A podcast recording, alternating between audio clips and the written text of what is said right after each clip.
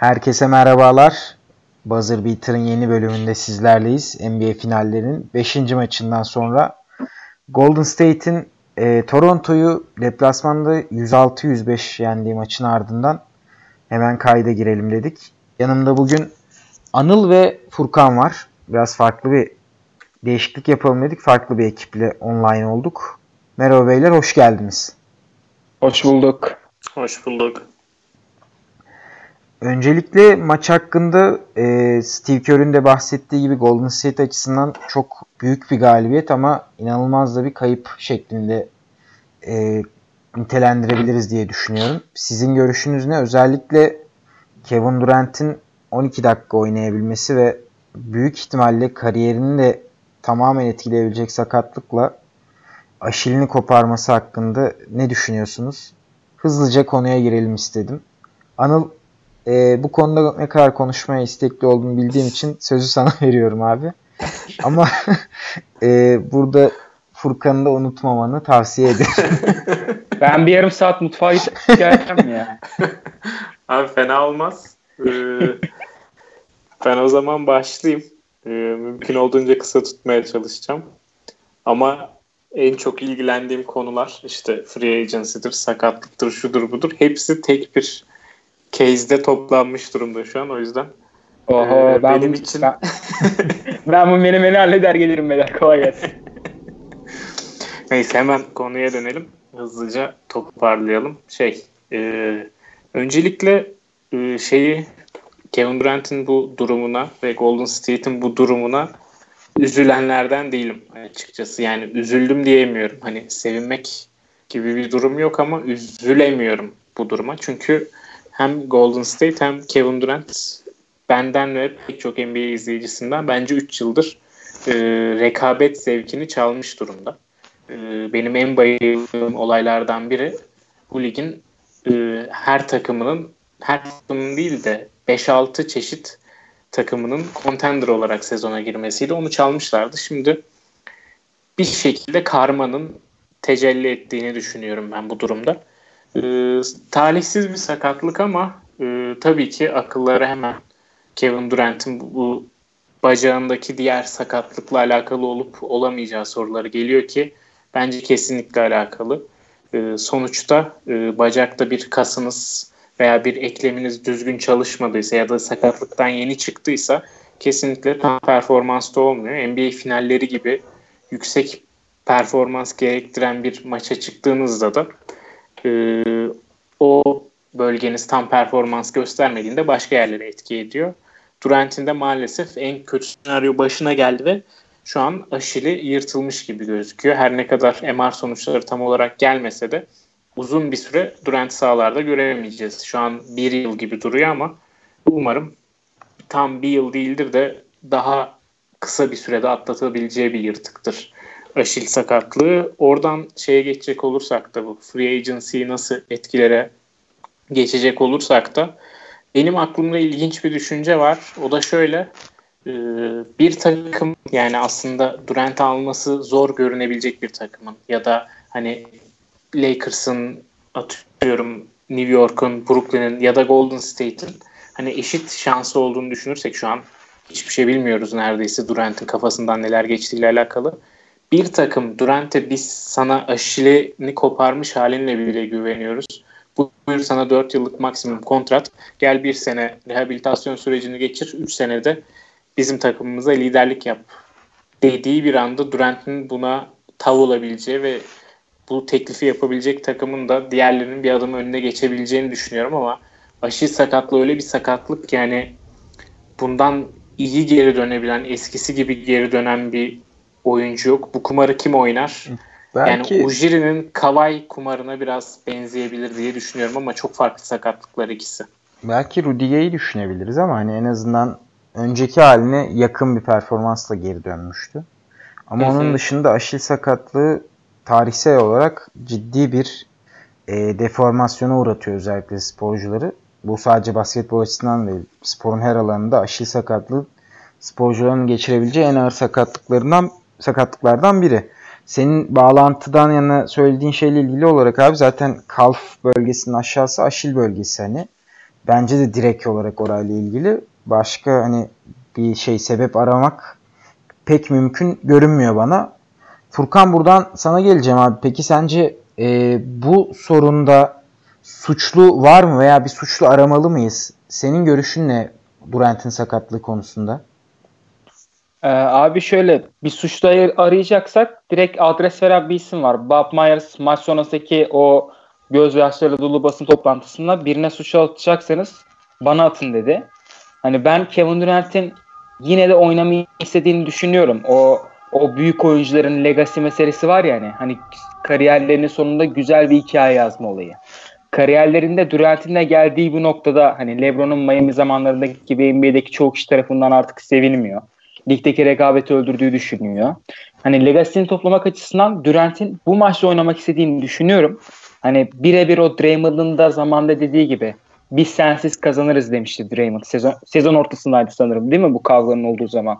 Evet. Draymond'da Sezonun başı sayılır hatta neredeyse. Kasım ha, gibi sezon başı. Pardon. İşte Draymond'ın ve birçok taraftarın, NBA izleyicisinin bu argümanını haksız çıkarmak için bile bu maçta oynayıp seriyi Warriors adına ya yani Warriors lehine getirmeyi istediğini düşünüyorum. Ama bu kararı kim vermişsiniz kim vermiştir diye sorarsanız bence takım yönetiminin Durant'in ısrarından daha fazla etkisi vardır Durant'in oynamasında. Çünkü şöyle Bob Myers, Steve Kerr artık ipin ucunda olduğunu bilen isimler. Ya özellikle Steve Kerr seri 3-1'e gelmişken Durant'e baskı yapacaktır. Ya yapmıştır daha doğrusu. Soyunma odasında da bir takım baskıların olduğunu inanıyorum ben. O yüzden Durant istese bile geri gelmeyi takımın ısrarının artık yönetim midir, koç kademesi midir, oyuncular mıdır baskısının daha fazla olduğuna inanıyorum bu konuda. Abi burada şu noktaya değinmek istedim ben de şimdi sen bahsedince tekrar aklıma geldi. Bu maçtan iki gün önce galiba e, ayın 7'siydi ya da 8'i işte. Tam iki gün önce ne zaman oluyor? Cumartesi oluyor galiba. Cumartesi ya da pazar günü. E, Tim Kawakami bir yazı yazdı The Athletic'te. E, Tim Kawakami şeyin Golden State muhabiri Atletic'in de San Francisco'dan sorumlu e, hani lider yazarlarından birisi. Yani güvenilir bir kaynak aslında. Yazısında işte e, tam olarak bunu e, işte takım arkadaşları Durant'in oynamasını bekliyor gibi açık bir şekilde söylemese de e, Warriors Durant'i bekliyor ve ne zaman önce belli değil. Ama bu süreçte işte Iguodala sakatlığıyla oynuyor. Kevin Looney sakatlığıyla oynuyor. Clay Thompson sakatlı, sakat ve oynuyor. Curry %100 değil ama o da bu takım için %100'ünü vermesi %100'ünü olmasa da hazır olmasa da oynaması gerektiğini biliyor şeklinde bir açıklama yaptı. Yani üstü kapalı olarak e, Durant'in oynaması gerektiğini ve artık Durant'e ihtiyacı olduğunu belirten bir yazıydı bu. Şimdi bir yandan Durant'in bu tip konulara ne kadar taktığını da düşünürsek benim düşüncem de acaba burada kararın e, basketbol tarafından ziyade Durant'in biraz daha kişisel bir kararı olduğu yönünde yani geldi bana. Anıl sen ne düşünüyorsun abi? Özellikle işin karar vericilik boyutunda kimin kararı sence bu durum? Abi yani Bob Myers'ın söylediklerine bakacak olursak bir ekip kararı. Hani e, Warriors'ın sağlık personeli, antrenörler, Kevin Durant, koçlar, yönetim hani hep birlikte bu kararı almışlar. Hani Bob Myers bu bir aylık Kevin Durant'ın sakatlık süresinde sayısız MR testinin yapıldığını, sayısız başka testlerden geçtiğini, antrenörlerle her gün çalışıldığını, sağlık personeliyle her gün çalışıldığını falan söyledi. Tabii bu doğal bir süreç. Ama ortak bir karar gibi gözükmekle birlikte birazcık bu ortak kararı ben şeye de dayandırıyorum. Yani 3-1 final serisinde geridesiniz. Maçı kaybederseniz finalleri kaybetmiş olacaksınız. Hani bu ortak karar herkesin kaybetmek istememesiyle de verilmiş olabilir diye düşünüyorum ben. Yani hem sadece Durant değil sadece Durant bu medyada çıkan haberleri yazılara çok takan bir insan. Belki kesin hatta kesinlikle Durant'ın abi, kararında etkili olmuştur ama bölüyorum ama kusura olarak... bakma. Şöyle bir durum var abi. Onu söylemeyi unuttum. Özür dilerim. Ee, yazı şöyle bitiyor. Bu durumda Clay Thompson, Kevin Looney, Steph Curry veya Draymond Green olsaydı veya Iguodala olsaydı e, Golden State Warriors 30 gün boyunca onun onların gelmesini bekler miydi? Yani böyle bir bekleme süreci olur muydu? Gibi bir bitişi var yazının. Hmm, yani soru işaretleri barındıran bir yani soru işaretleri barındıran bir bitiş. Evet hani onu söylemeyi unuttum. Kusura bakma sen devam et. Hani biraz da Durant'in aslında kafayı takması için bütün ortamda hazır gibi. Yani evet. Zaten hani takım içindeki problemler falan da sezon başından beri belli. Yani bütün bir ekip kaybetmek istemediği için almış gibi geliyor bana bu kararı. Anladım. Şeyi ekleyeyim bu arada. Bu sakatlıkla ilgili. bu kalp sakatlığı ile ilgili. Ee, bu benim takip ettiğim işte sağlık personelleri olsun, sporcularla çalışan antrenörler olsun. Hani işin sakatlık kısmına bakan kimi takip ettiysem Durant'ın hani bu geri dönüşün uzaması ile ilgili şey diyordu. Kalp dediğimiz kas çok zor iyileşen bir kas, yavaş iyileşen bir kas ve tam bir tarih verilemeyecek şekilde bir iyileşme süreci olan kas. Yani hani belli bir proses oluyor, belli bir ilerleme oluyor. Ondan sonra siz tedavinin hangi aşamasında olduğunu anlıyorsunuz. Size bir respons veriyor bu kas. Ona göre siz anlıyorsunuz ne, ne kadar sürede döneceğini. Tedavinin içindeyken fark ediyorsunuz ne kadar uzun sürebileceğini diyordu. Hem bu var hem de e, bu kas e, aslında hani herkes kendi insan vücudundan da düşünebilir. Zıplarken, e, sağ sola hareket ederken e, ya da şu, yani hani aklınıza gelebilecek herhangi bir harekette günlük aktivitelerin %90 neredeyse. Aynen yani hani her aktivitenin içinde var bu kas ve bu kasın tam sağlıklı olmaması Durant'in bacağındaki diğer bütün eklemlere, dizine, bütün kaslarına yük bindirecekti. En kötü ihtimal gerçekleşti. Maalesef yani ben cidden üzüldüm. Özellikle Myers'ın açıklamalarından sonra e, gerçekten hani Kevin Durant gibi bir oyuncuyu artık o seviyede izleyemeyecek olma ihtimali beni birazcık üzdü açıkçası. Diğer bütün psikolojik sebepler vesaire bir kenara basketbol açısından ciddi bir kayıp olur eğer Durant'i o seviyede göremezsek diye düşünüyorum. E, Furkan buradan sana şu soruyu soracağım abi. Kevin Durant'in sakatlığına dair e, sen özellikle serbest oyuncu piyasasında nasıl bir etkisini bekliyorsun? Durant'in gideceği takım özelinde. Buna dair bir fikrin var mı? Hemen onu alalım ee, senden. Sonra da hı. maça geçelim yavaş yavaş. Abi şöyle ben bu durumun ya Durant elbette ligin hala en değerli 3 oyuncunun 3 oyuncusundan birisi bana kalırsa da serbest oyuncu döneminde Kavai'nin da serbest kalacağını göz önüne alırsak biraz olumsuz etkileyeceğini düşünüyorum. Hani şöyle Clippers'ın ya da işte Lakers'ın bu sene bir kişilik maksimum kontrat boşluğu var ya. Hani normalde rahat rahat Lakers yönetimi şeyi düşünebilirdi. Ben ama kontratı Kevin Durant'e mi versem, Kavai'ye mi versem e, ikileminde Kevin Durant'le rahat rahat karar kılabilirdi ikisinde sağlıklı olduğu senaryoda. Kawhi da çok iyi bir oyuncu ama Kevin Durant'in de neler yaptığı çok bariz ortada yani. Ama Kevin Durant'e bu maksimum kontratı verdiğiniz anda bir senesini zaten çöpe atmış oluyorsunuz. Hani bir seneyi Durant'siz geçireceksiniz. Artık 38 milyon dolar mı verirsiniz, 37 mi verirsiniz? O işte maaş boldurusuna kalmış bir şey. Ama öbür tarafta şöyle düşünecektir. Hani ben maksimum kontratla Durant'e alacağımı ve bunun bir yılının çöpe gideceğine ben bu parayı Kava'ya teklif edeyim diye düşünebilir takımlar. En azından o bir yılı kurtarmak için. Çünkü Durant artık kaç? 31 yaşında mı? 30 yaşında 31, mı? 31. 31 yaşına gelmiş bir oyuncu. Bu sakatlık illa ki etkileyecektir dönüşünü. İyi kötü nasıl olacak bilmiyorum. Bu yüzden takımlar daha garantici bir yola gitmek için Kavai'nin üzerine yönelecekler diye düşünüyorum. Bu da Kevin Durant'in piyasasını biraz da azaltabilir.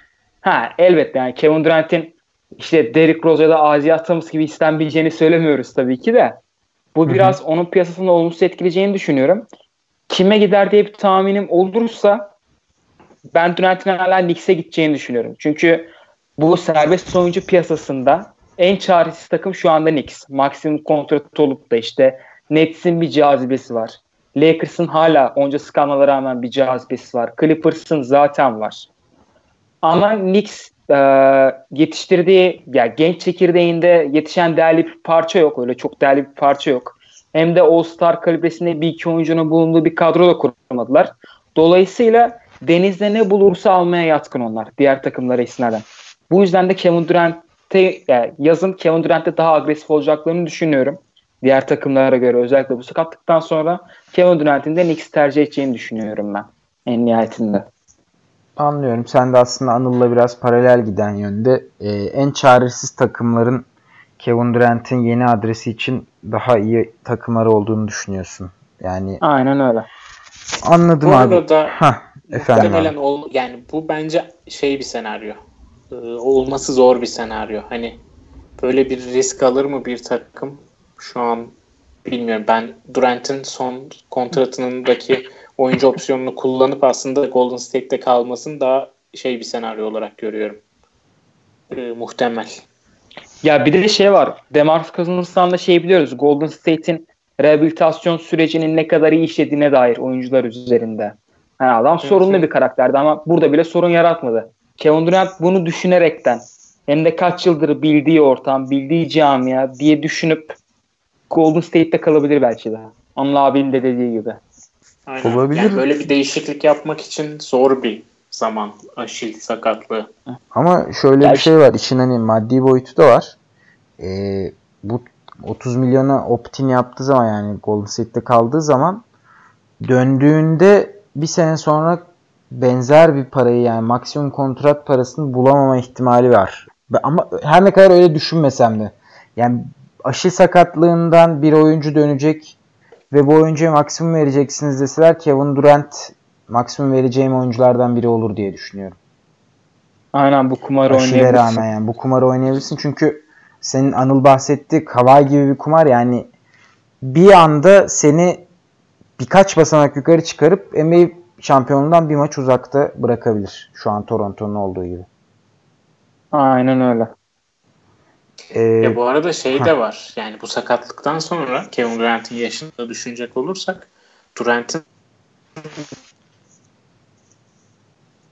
bu, e, mesela Kawhi Leonard bu yıl kaç maça çıktı normal sezonda? 60 maça mı çıktı? abi sesin gitti bir daha söyler misin? Bu sakatlığı düşündükten sonra dedin.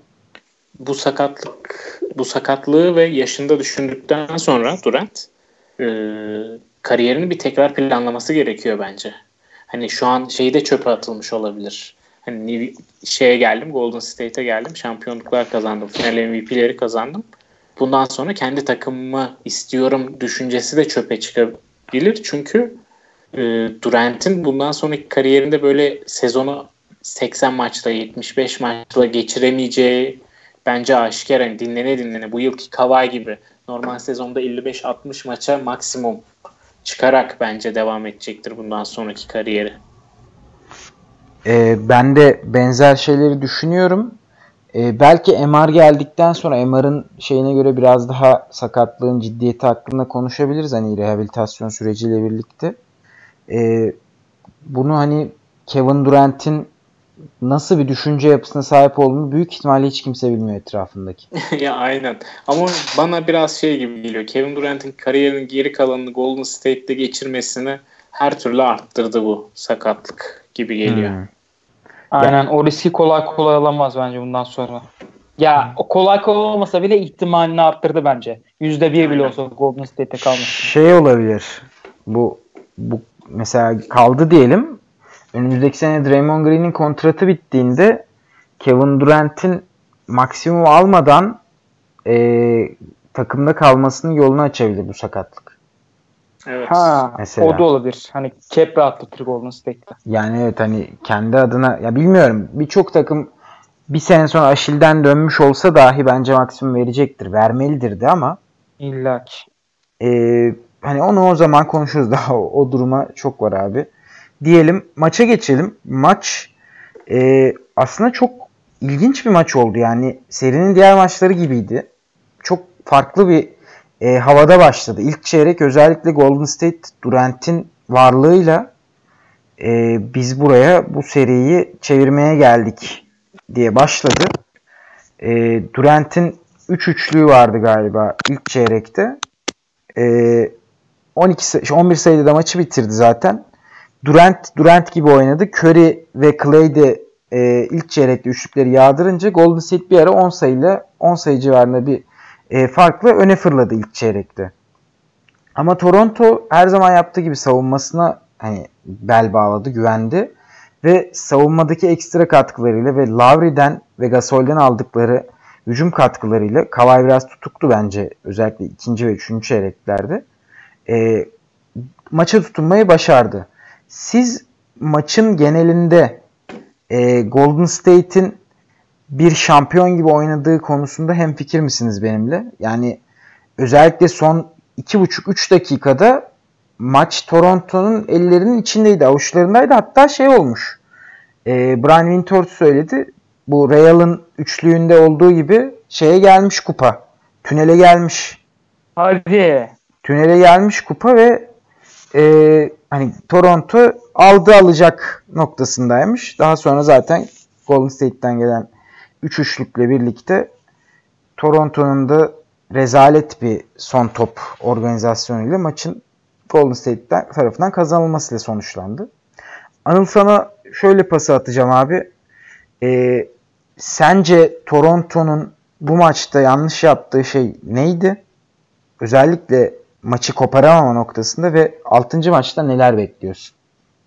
Abi yanlış yaptığı şey maçın sonuydu. Yani maçın sonuna kadar özellikle o ilk çeyrekteki Golden State fırtınasını bence çok iyi dindirdiler. Üçüncü çeyrekte ve dördüncü çeyrekte öne de geçmeyi başardılar. O Kavay'ın efsane oynadığı seride şu blokla başlayıp aynen oradan devam edip gelen seride üst üste el üstü üçlükler gönderdiği seride.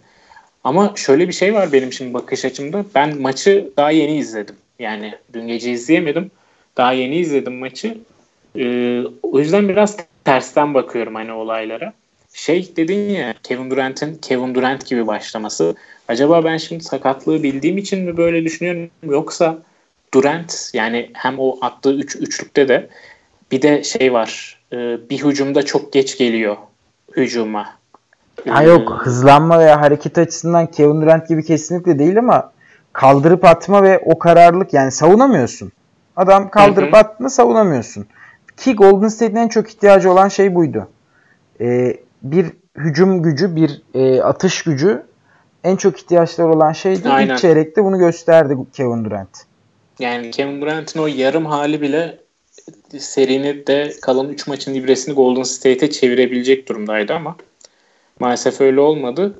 Ee, Toronto maç sonunda kaybetti ya maçı. Yani o Golden State'in o fırtınasını iyi durdurup ondan sonra öne geçip maç sonunda kaybetti. Hani yanlış yaptıkları şey de bence hani sonucum dışında çok yanlış bir noktada göremiyorum Toronto'nun yaptığı. Sadece şunu söyleyebilirim. Ben biraz Golden State'in bu maçı kazanış şekline ikna olmadım ya.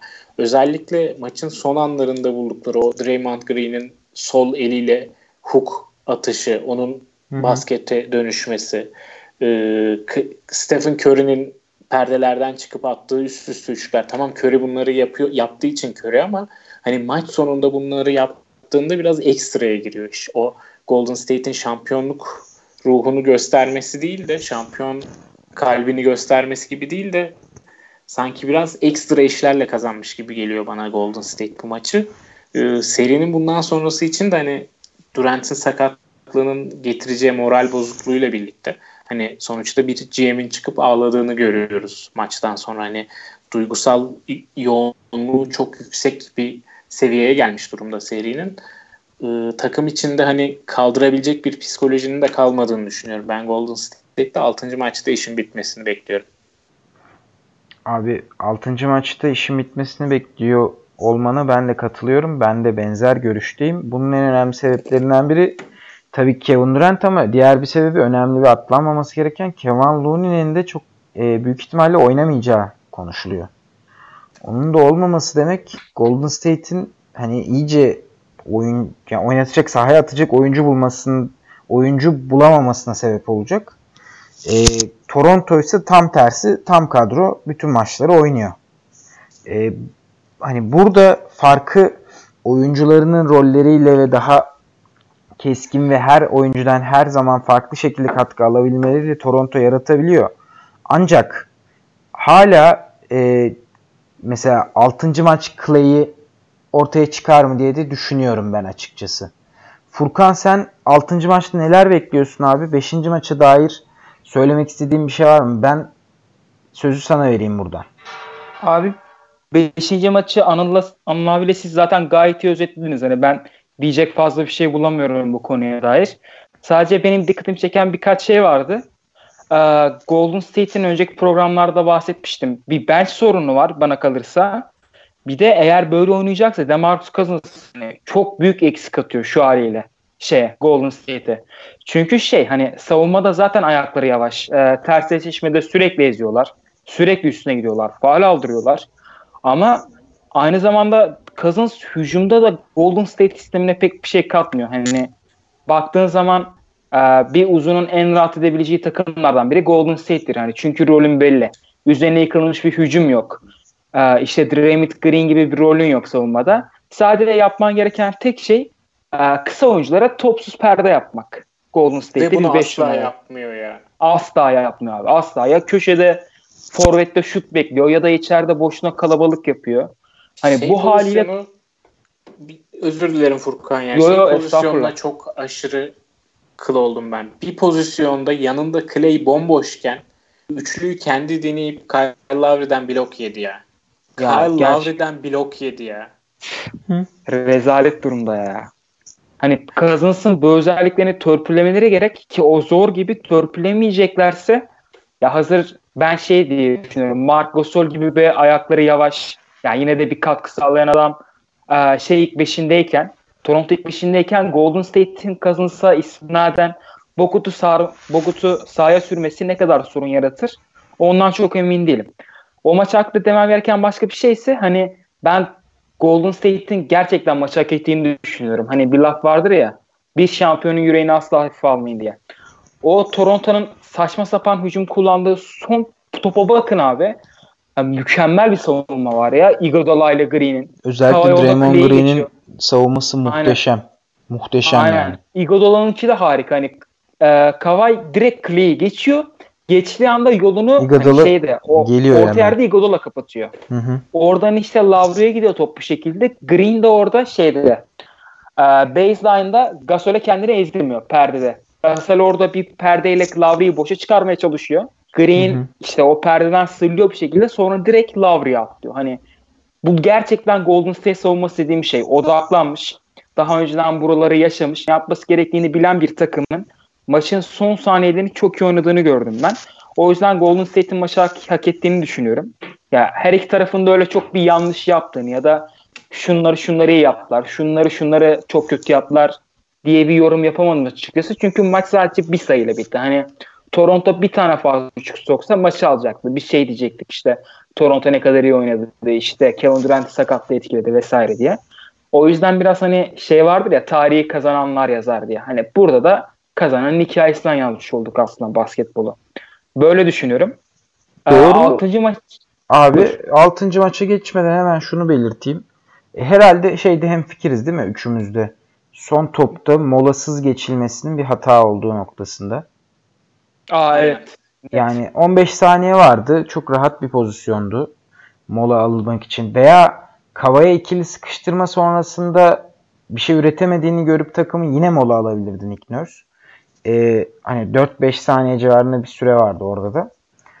Ben onu bir türlü anlayamadım. Yani bitireceksin. Sezonu bitireceğin an, sezonu bitirebileceğin bir hücum ve molayı kullanmıyorsun. Bu benim açımdan e, kabul edilemez bir şeydi. Bu hani neden olmuştur? NBA koçları genelde bu tip noktalarda oyunculara bırakıyor bu tip kararları. E, çünkü ritmi bozmak istemiyor veya karşı tarafın da ekstra bir hazırlık yapmasını istemiyor. Anlayabiliyorum ama NBA finallerinin son topunda e, bunu düşünmemen gerekiyor abi. Bu bir normal sezon maçı değil. Hani Nurse'ün de ilk yılı yani onu da göz önünde bulunduralım. Bu işler birazcık Mut- da tecrübeyle. Mutlaka. Ya tabii ki. Ama hani burada yermek için söylemiyorum. Greg Popovich'in bile hani yaptığı hatayı biliyoruz işte. Ray Allen biraz önce bahsettik. Hı hı. Tim Duncan oyuna Tim almaması Duncan gibi. Yani olabiliyor böyle hatalar. Sonuçta o da belki şu an sonucu görmeden şey sonucu gördükten sonra keşke mola alsaydı diyebilir. Tabii ki bizim buradan konuşmamız daha rahat ama e, bu benim adıma maçta ufak bir hataydı. En sonunda gerçekleşti. E, beşinci Abi- maça ekleyeceğiniz bir şey var mı abi? Efendim abi buyur. Yok.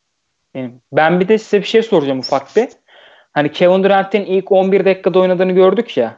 Hı hı. Şunda en fikir mi? Şunu merak ediyorum. Kevin Durant başından beri bu seride olsaydı serinin en iyi ihtimalle 4-1 biteceğini düşünüyor musunuz hepiniz? Ee, Hmm. Ben valla o 11 dakikayı gördüm. emin Hani olamadım ya. Bir kere ayrı bir önlem getiremiyorsun. Hani Golden State hücumunda tıkamada o kadar rahat değilsin. Yani- Ve Durant gelip gelip atıyor. Şeye eminim de Golden State alırdı. Seriyi kazanırdı. Ben Buna eminim de. eminim. Sonucun skorunu 7. maçta gitmezdi büyük ihtimalle. Hani 4-1'i 4-2'si ondan emin değilim bir tek. Yani Ya bilmiyorum. Golden Hani State'in olsun da- ağır basacağını 11 düşünüyordum. dakikada şey de var ya 11 dakikanın içerisinde işte o Golden State'in sırtını duvara yaslamış ve Kevin Durant geri gelmiş olarak maça çıkmasının psikolojisi de var bence. Hani öyle bir 11 dakika yaşamamızda. Ha illa ki o rahatlığın etkisi vardır.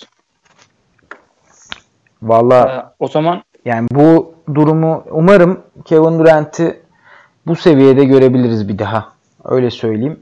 Ve hani son olarak 6. maça dair beklentilerinizi alayım abi. Furkan seninle başlayalım istersen. abi şöyle ya ben biraz işin manevi yönünden bakıyorum. Bu 6. maç Golden State Warriors'ın Oracle aranında oynayacağı son maç. Ve aynı zamanda çok önemli bir maç. Ee, o yüzden Golden State'in bu maça taraftar, taraftarlarının önünde San Francisco'da son kez çıkacağını göz önüne alırsak yok San Francisco'da mı? Oakland'da pardon. Oakland'da. Aynen. Son kez çıkacağını göz önüne alırsak daha bir asılacaklarını düşünüyorum. Hani bir şampiyon yüreğini ortaya koyacaklarını düşünüyorum. Aynı zamanda tabii biraz işin geyiği ama Game 6 Clay diye bir gerçek de var. Ama dediğiniz gibi biraz daha gerçeğinden bakacaksak senin de dediğin gibi Burak hani Golden State'in çok eksiği var. Kevin Looney, Durant hani Iguodala'dan ne alacağını bilmiyorsun her zaman. Hücumda her zaman bekleneni veremeyebiliyor. Biraz e, kağıt üzerinde iş Toronto'nun lehine ama bir hissiyat sadece. Ben Golden State'in bu maçı alacağını düşünüyorum açıkçası. Abi Zach Love'ın podcast'ini dinlemiştim galiba birkaç gün önce. Ee, şey çok ilginç gelmişti. Stephen Curry ve Klay Thompson var. Tarihin en iyi iki şutörü belki de. Ve hala spacing ve şut sorunu yaşıyorsun. Bu gerçekten hani ilginç bir durum Golden State açısından. Bu seride özellikle çok gün yüzüne çıktı. Ee, Ama ikisi birbirinin hareketlerini pek engellemiyor ya. Daha çok sorun Green, Jordan Bell, Looney, Ya işte evet problem hani tarihin en iyi şut atan iki oyuncusundan ikisi de sende ve buna rağmen takım olarak şut problemi yaşıyorsun. Bunun sebebi yan oyuncularının herhangi bir şekilde tehdit oluşturamıyor olması zaten. Aynen öyle. Ee, ya son bir iki yıldaki kadro mühendisliği çok iyi değildi zaten bence Golden State'in. ya O şöyle yanan parçaları olsun. aslında çok iyi şöyle ki hani Kevin Durant var. Her sorunu bir şekilde çözüyor. Yani. bir noktada çözüyor. Ee, Anıl sen 6. maçtan ne bekliyorsun abi? Sen de Toronto galibiyetini biraz daha ön planda görüyorsun ama Golden State'in bir şansı olursa nasıl olur? 6. maç Clay mi bu şansı sağlar? Demarcus Cousins'ın aşil tendonu koparsa bir şansı olur. Abi, Şey, Golden Ne- ne- State. neden acımasızsın bu kadar? Gerçekten ya. Başka türlü oynamama ihtimali de yok bence çünkü yani böyle ufak sakatlıklarda da oynar. Ee, abi şey bu maçta benim dikkat yani tam dikkat etmedim de Durant çıkmadan Cousins oyuna girmedi değil mi? Yok abi Durant sakatlandıktan sonra girdi Cousins. Aynen bence Cousins hiç girmeyecekti zaten. Büyük Durant ihtimalle bir şekilde. girmeyecekti. Durant gidebilseydi. Hı Aynen. hı. Ya sezon başında şey diye düşünüyordum hani Cousins'ın bu takımın oyununa uymadığı belli ama Cousins neden bu takıma alınır? Çünkü bir sakatlık yaşadığında bir içlerinden yıldız bir oyuncu. Cousins'ın skor gücüne güvenebilirsiniz. Cousins'ın kendi skorunu üretmesine güvenebilirsiniz. Cousins'ın pasörlüğüne güvenebilirsiniz diyordum ama yani özellikle şu finallerde beni gerçekten çileden çıkarıyor. İkinci maç Sahada. fena değildi aslında. 6 asist de yapmıştı. 14 sayım ne atmıştı ama onun dışında aslında İşte bu maç da fena değildi biliyor musun? Yani Abi- şöyle son 3 dakikada falan son 3 dakikayı çıkarsan gayet iyi oynadı Cousins. ama son 3 dakika Abi- yaptıkları gerçekten şeydi. Acaba ilk defa playoff'ta oynamanın verdiği bir şeyle heyecanla ne yapacağını bilememe mi?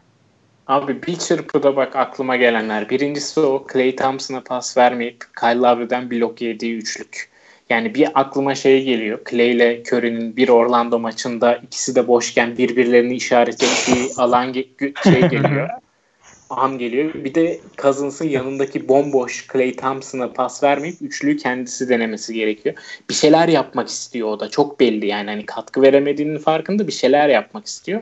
Ama Stephen Curry'nin boştaki Clay Thompson'ı işaret ettiği noktada sen kimsin de kendin kullanıyorsun o üçlüyü. Hani ne kadar uymadığı buradan belli. Bir de bir pozisyonda ya Iguodala ya Green Kavayı çok iyi savunurken bir anda Kavay arkasından geçerken elini tutuyor Kavay'ın faal yapıyor iki atış.